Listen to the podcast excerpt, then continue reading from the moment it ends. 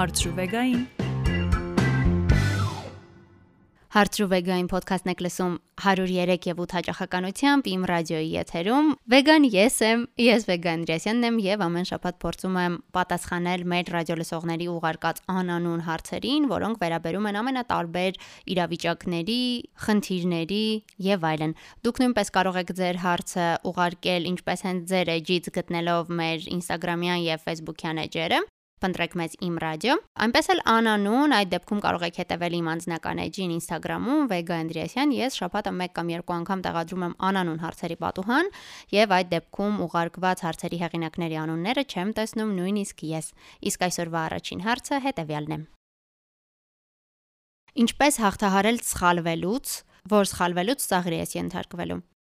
Նախ եթե եղել է նման նախադեպ, որ ինչ որ հարցում սխալվել եք եւ արդյունքում ձեզ ծաղրել են, ապա անհապաղ կա անհրաժեշտություն փոխելու ձեր շրջապատը։ Կարծում եմ շրջապատված եք ոչ հասուն, դեռ երեխա մտածողությամբ մարդկանցով։ Իսկ եթե պատահաբար հարցը ուղարկել է հենց երեխա, գուցե դպրոցում եք կամ ուսանող է ուղարկել հարցը եւ հենց կուրսում կամ դասարանում եք ենթարկվում ծաղրից սխալվելիս, պետք է պարզապես հիշել, որ միանշանակ դուք միակ մարդը չեք, որ սխալվում է, սխալվում են բոլորը, սխալվում են թե ձեր ընկերները, համակուրսացիները, սխալվում են ձեր դասատուներն ու դասախոսները, սխալվում ենք բոլորս եւ դա կյանքի անբաժան մասն է կազմում։ Ավելին հետագայում եք սխալվելու պետք է հիշել, որ սխալվելու եք ամբողջ կյանքում, ավելի հասուն տարիքում եք սխալվելու, Ինչ որ պահի գուցե սխալվեք զուգընկեր ընտրելիս, ինչև գտնեք այն իրական ձեր սիրուն։ Սխալվելու եք գուցե մասնագիտություն ընտրելիս, աշխատանք ընտրելիս, ընկերներին ընտրելիս, փոքր հարցերում եք սխալվելու։ Հետևաբար, երբ սկսեք գիտակցել, որ սխալվելը ձեր կյանքի անբաժան մասն է կազմում, ինձ թվում է այլևս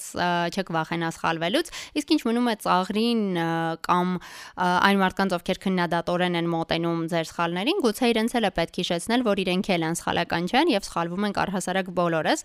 Իդեպ վերջերս կարդում էի մի նյութ, որտեղ հոկեբաններն ասում էին, որ դեռ մանկուց, նորածին հասակից, 1-2 տարեկանից շատ կարևոր է թե ինչպես ենք մենք արձագանքում մեր երեխաների սխալներին, ձախողումներին, որովհետև հենց դա էլ հետագայում ձևավորում է նրանց հոկեբանության մի մասը, կապված սխալվելու վախի հետ։ Հետևաբար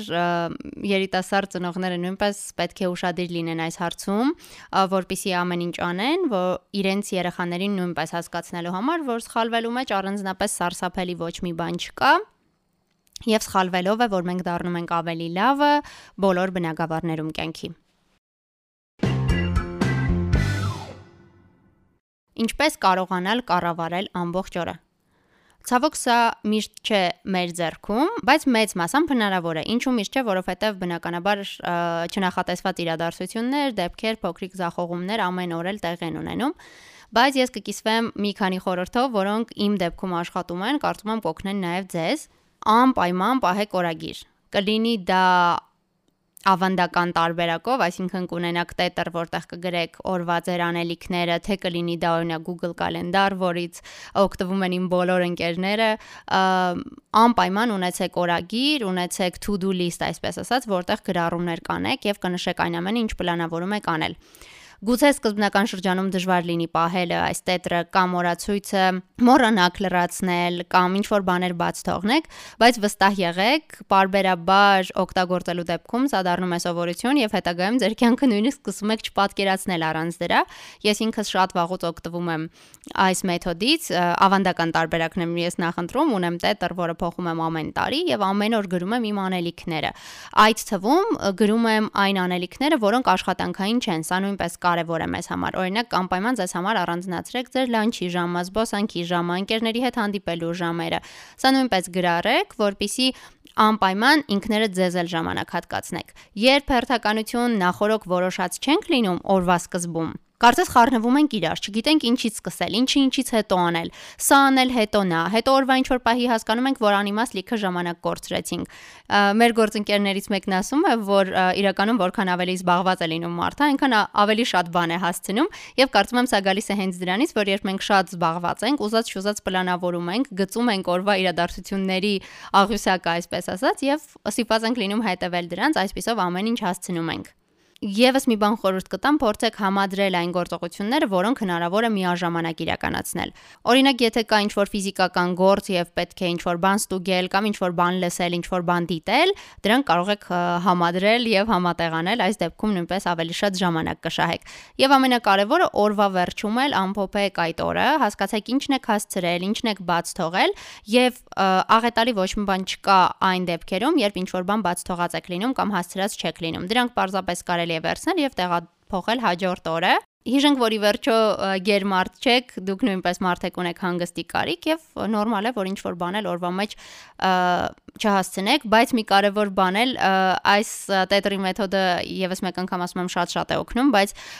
հանկարծ ցույց չտաք, որ մեքենայացնի ձեր ամբողջ կյանքը, երբեմն էլ parzapes բաց թողեք ինքներդ ձեզ, գոնե օրինակ վիկենդին եւ արեք ինչ ուզում եք առանց որևէ գրաֆիկ կազմելու եւ դրան հետևելու, որովհետեւ կարծում եմ նման օրեր նույնպես պետք են։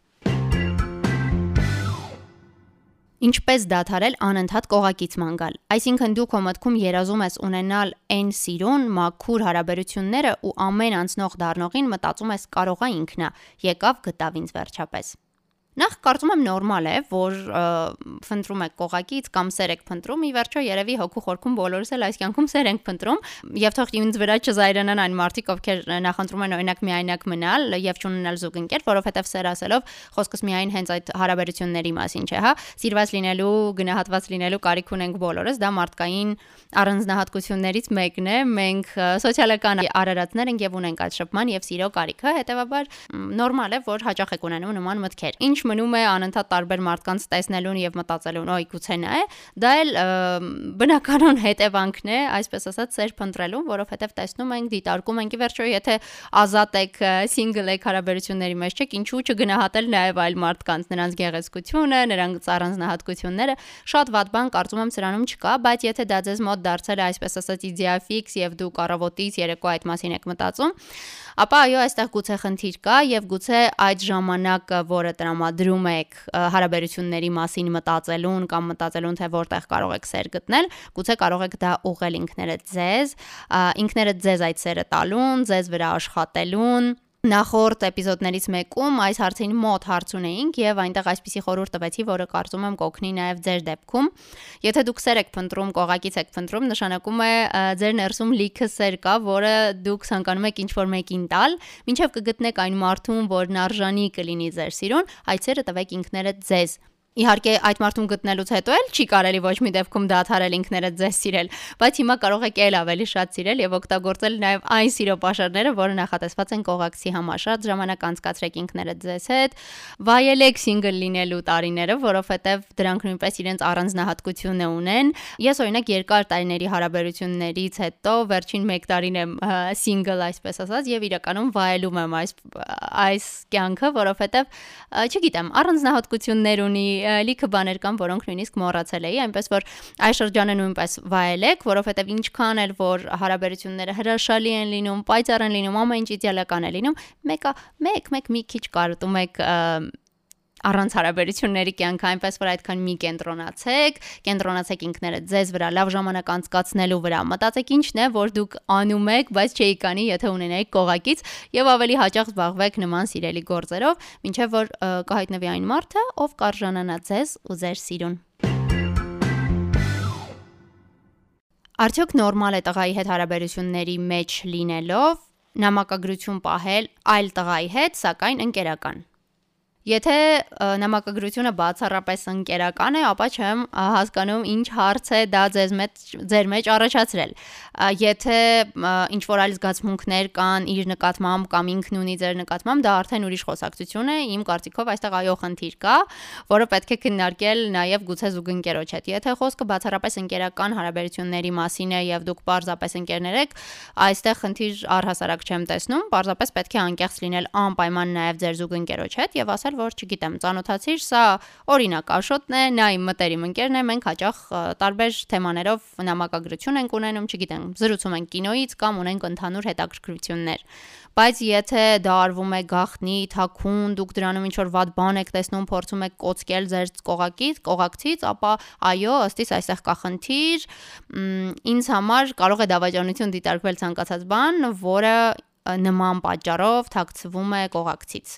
Բայց սա իհարկե իմ սուբյեկտիվ կարծիքն է եւ ամեն դեպքում դուք պետք է որոշեք թե ինչպես եք ցանկանում վարվել, ամեն դեպքում անկեղծությունը հարաբերություններում կարևոր հիմնասյուն է կարծում եմ։ Վերջին շրջանում ընկերախումբս մի տեսակ տոքսիկ է դարձել, կամ ինչպես դուք եք ձեր տանդեմ ոդքասթում ասում, թունոտ։ Անընդհատ փորձում եմ պատճառները գտնել, բայց մտավախություն ունեմ, որ գուցե հենց ինձնից է գալիս։ Ինչպես հասկանամ, արդյոք ես եմ պատճառը թե ոչ ու փրկեմ ընկերախումբս։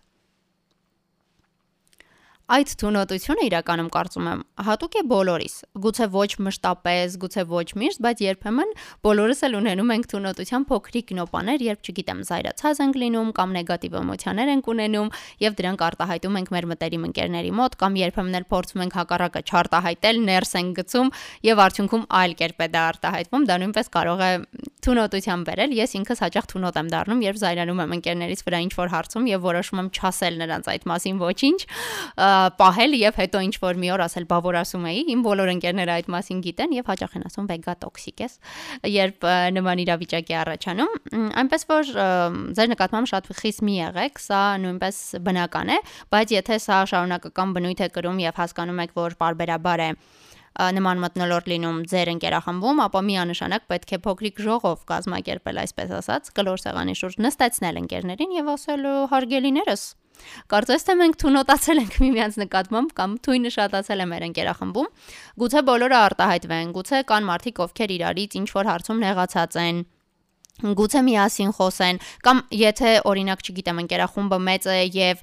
շատ անձնական են, հա, այդ խնդիրները ենթադրենք ընդհանուր մտնոլորտը փչացել է, որովհետեւ ընկերախմբից պայմանական անուն ասեմ, Անին նեղացած է նույն ընկերախմբի Աննայից, կարող եք դուք հավաքել բոլորին, խոսել, ասել, որ նման մտավախություն ունեք, որ չեք ուզում կորցնել ձեր ընկերությունը եւ առաջարկում եք, որ եթե կան այնպիսի խնդիրներ, որոնք բոլորի մոտ քննարկել չեն ուզում, գուցե առանձին զույգերով, այսպես ասած, զրուցեն այս թեմաների շուրջ կամ եթե